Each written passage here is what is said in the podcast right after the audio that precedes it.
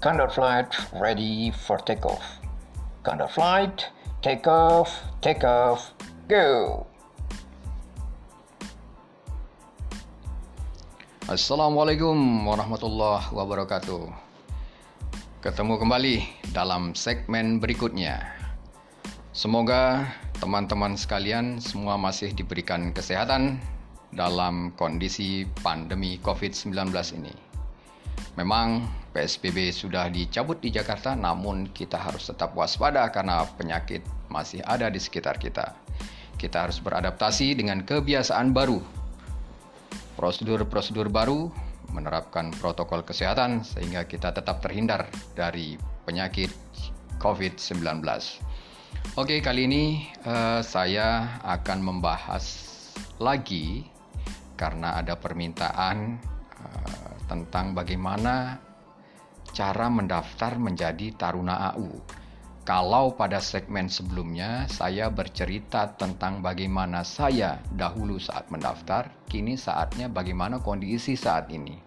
Bagaimana cara mendaftar menjadi perwira TNI Angkatan Udara melalui jalur Akademi TNI Angkatan Udara. Baik, untuk menjadi Taruna Akademi Angkatan Udara, yang pertama kali yang harus dilaksanakan adalah tentu saja melaksanakan pendaftaran. Nah, pendaftarannya ini dilaksanakan di lanut-lanut yang telah ditunjuk oleh Dinas uh, Personil Angkatan Udara.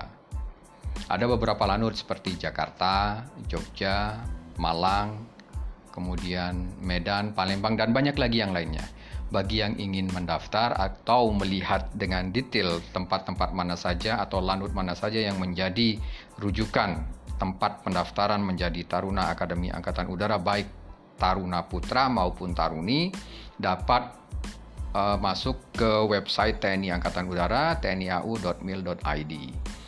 Oke, pada dasarnya kita melaksanakan pendaftaran. Syarat utamanya adalah warga negara Republik Indonesia. Kemudian setia kepada NKRI, artinya ya setia kepada Pancasila uh, dengan Undang-Undang Dasar 1945 yang berbineka tunggal ika.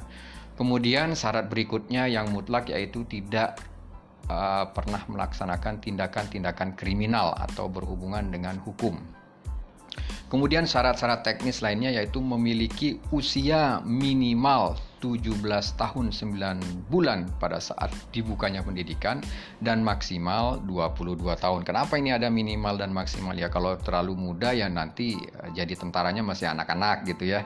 Jadi kalau misalnya umurnya sudah 23, 24, 25 ya nanti uh, terlalu tua untuk menjadi seorang tentara. Nanti kondisi fisik juga tidak memungkinkan untuk melaksanakan berbagai macam penugasan sesuai dengan pangkatnya saat itu.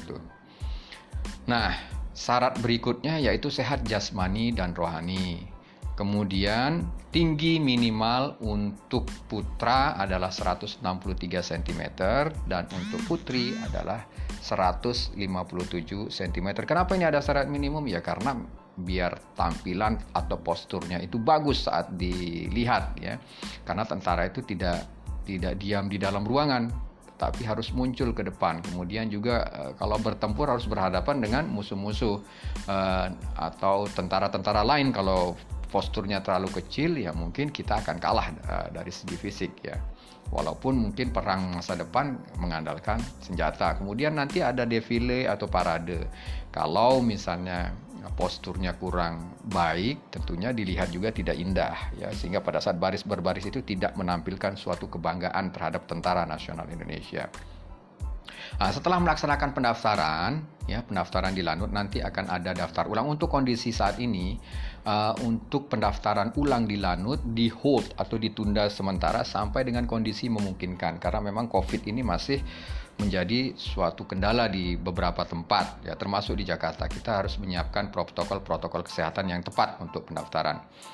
Kemudian uh, nanti jika telah dilaksanakan pendaftaran ulang akan melaksanakan serangkaian tes. Uh, serangkaian tesnya itu mulai dari tes administrasi ya dicek ya. Uh, persyaratan ijazah oke okay. untuk ijazah ya persyaratan untuk menjadi taruna Akademi Angkatan Udara adalah lulusan SMA yang jurusannya IPA atau SMK penerbangan yang jurusannya power uh, airframe power plant atau avionics. Jadi hanya jurusan itu sajalah yang diterima. Kenapa tidak IPS? Kenapa tidak jurusan yang lain? Ya karena memang pelajaran di TNI Angkatan Udara itu semua berkaitan dengan matematika, fisika, kimia, kemudian barang-barang yang bersifat nyata, yang bersifat uh, ilmu-ilmu pasti, penuh dengan perhitungan ya.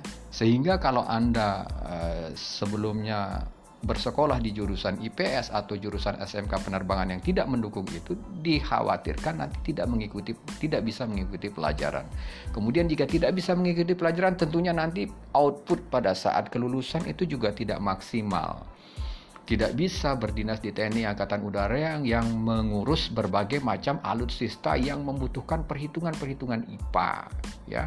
Sehingga bagi Anda yang masih bersekolah di SMP saat ini tentu saja nanti menjadi pertimbangan pada saat Anda akan uh, bersekolah di SMA, saran saya kalau akan menjadi uh, Taruna Akademi TNI Angkatan Udara atau Taruna Akademi TNI lainnya, masuklah ke jurusan IPA. Nah, kemudian setelah melaksanakan pendaftaran ulang nanti akan diberikan schedule atau jadwal tes tes pertama biasa tes administrasi mengecek uh, lulusannya ijazahnya kemudian rapotnya seperti apa nilai minimum saat kelulusan juga ada. Kemudian ada surat persetujuan orang tua ada surat untuk bersedia ditempatkan di mana saja surat untuk bersedia menjalani ikatan dinas ya ada konsekuensinya. Ya sekolah ini gratis dibiayai negara namun ada konsekuensi yang harus kita tepati harus ada persetujuan orang tua. Tidak boleh ada calon taruna yang tidak disetujui oleh orang tuanya. Kemudian berdia, uh, bersedia ditempatkan di mana saja. Jangan sampai nanti setelah lulus mintanya hanya di Jakarta saja atau di Malang, Bandung, di kota-kota besar saja. Ya, namanya lulusan Akademi TNI Angkatan Udara itu harus bersedia ditempatkan di mana saja di seluruh Indonesia dari Sabang sampai Merauke, dari kota besar sampai kampung yang tak ada sinyal. Itu konsekuensinya. Sehingga sebelum Anda mendaftar harus Anda pikirkan.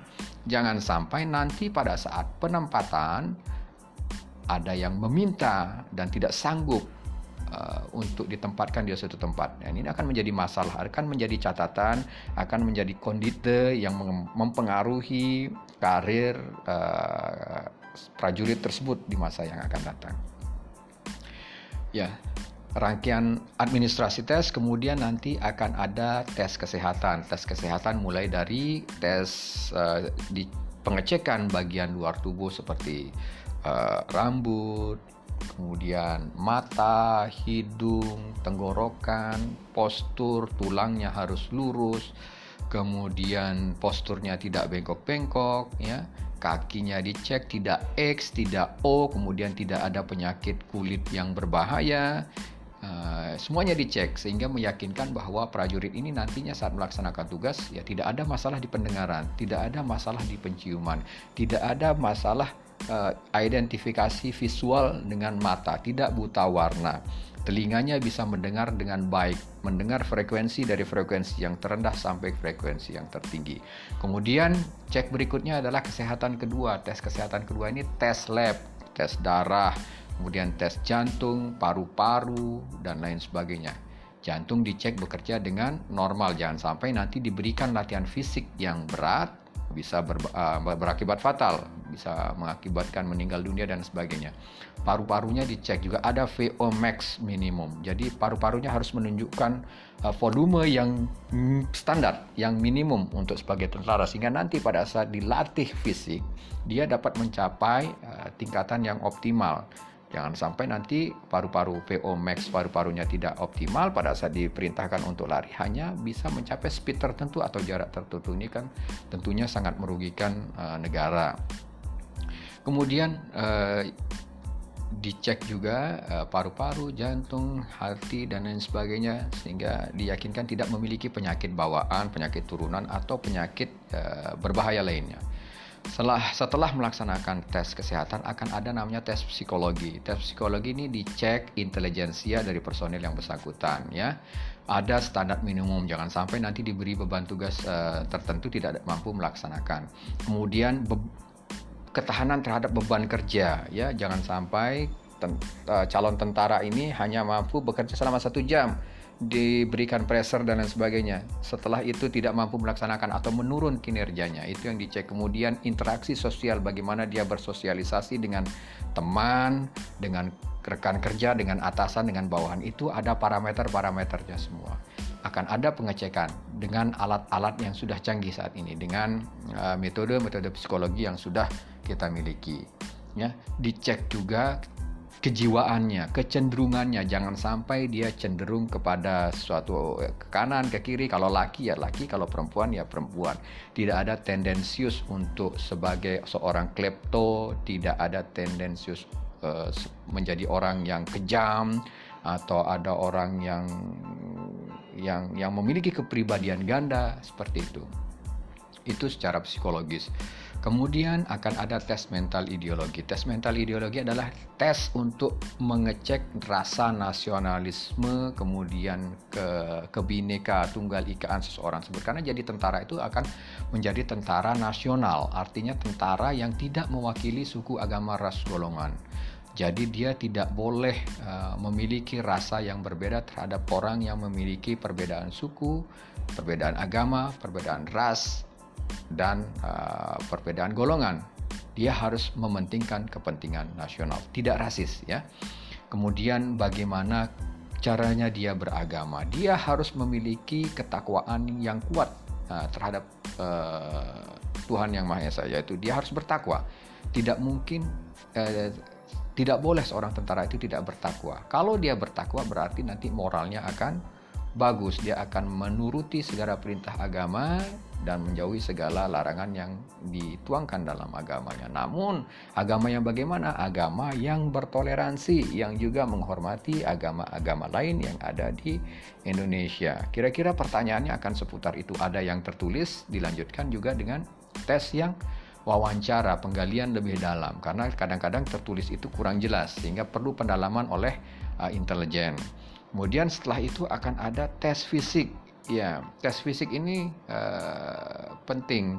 Ya, ada standar minimal yang kira-kira nanti bahan bakunya ini bisa diolah sehingga menjadi lebih baik lagi. Memang nanti akan dilatih lagi saat masuk ke satrian atau pendidikan chandra di muka. Namun kalau misalnya saat dari awal sudah terbiasa untuk membina diri, ya berolahraga, lari uh, olahraga dengan teratur, lari, mungkin push up, sit up, ya, shuttle run dan lain sebagainya ya tentunya nanti kita akan lebih mudah mendidiknya ya. Jadi tes uh, samapta atau tes fisik ini ada dua macam A dan B. A itu tes lari, larinya 2400 meter atau 6 putaran lapangan atletik ya. Dan harus dilaksanakan uh, selama paling tidak ya 12 menit. Nah, saya saja dengan usia seperti ini masih bisa 2500 12 menit standar minimalnya adalah 2400 kemudian uh, sama tabi yang terdiri dari push up. Push up itu nilai 100 nya adalah 50 kemudian uh, ulangi uh, push up itu 45 45 atau 43 kalau tidak salah. Kemudian untuk sit up itu 41 kali dalam satu menit. Ya paling tidak harus maksimal. Di usia 18 tahun seharusnya nilainya 100 Kemudian pull up, pull up itu kalau ada yang bilang juga namanya istilahnya restock atau pull up menggantung itu minimal itu 7, nilai 100-nya adalah 18. Perlu diketahui saya sampai saat ini masih bisa 20 kali pull up secara terus-menerus dalam waktu satu menit ya. Ini untuk memotivasi kalian para generasi muda bahwa kalian itu masih kuat ya. Kemudian shuttle run, shuttle run itu lari angka 8 ya. Kita mengelilingi uh, tiang, dua tiang yang dipisahkan dengan jarak sekitar kurang lebih 11 atau 12 meter. Kemudian kita berlari membentuk angka 8 sebanyak tiga kali. Ya paling tidak kita jangan sampai lebih dari 19 detik atau 20, 19 detik lah maksimal.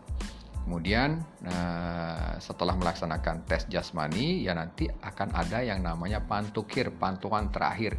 Jika semua siswa ini sudah di ranking berdasarkan nilai-nilai yang didapat, dan ada sekian calon yang memenuhi syarat untuk pantuhir, maka akan dipantuhirkan atau pantuan terakhir.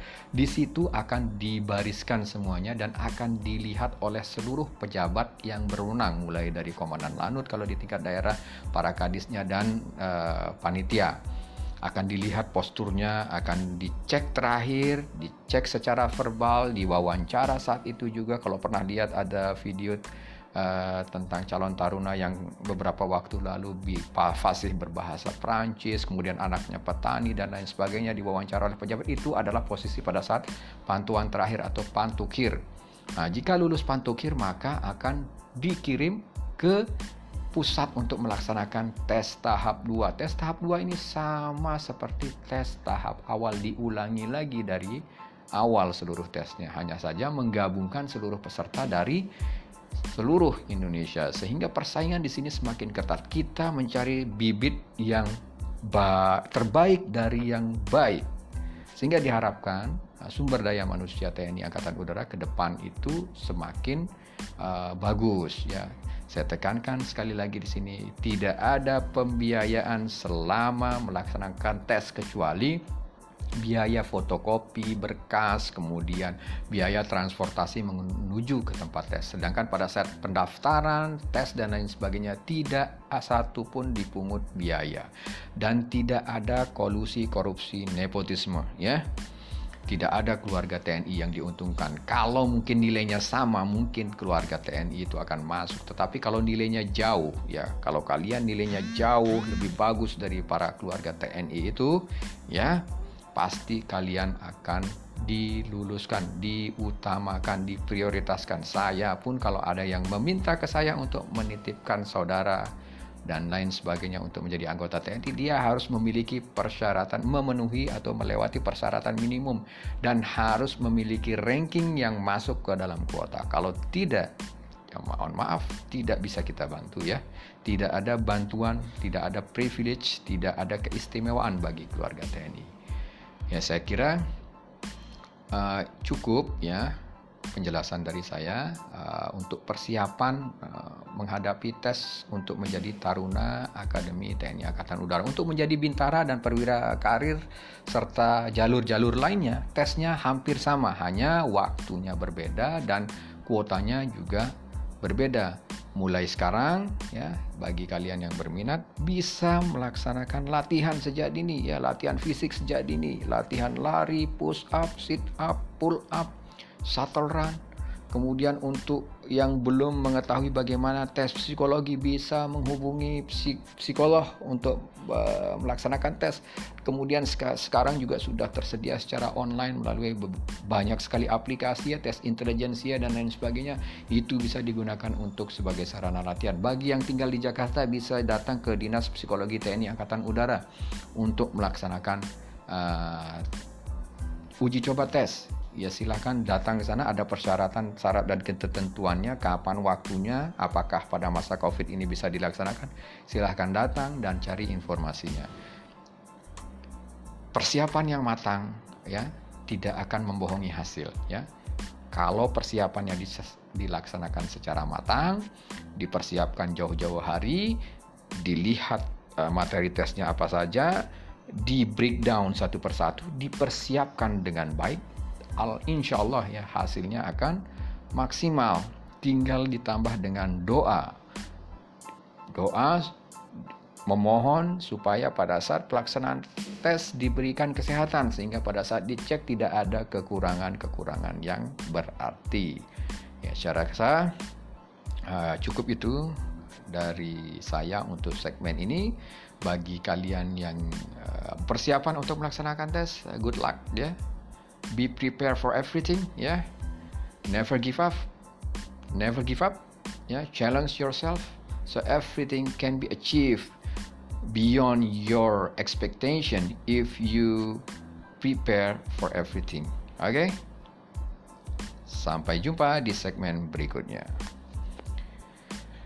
Tower Counter Flight final runway inside. Clear to land, Condor.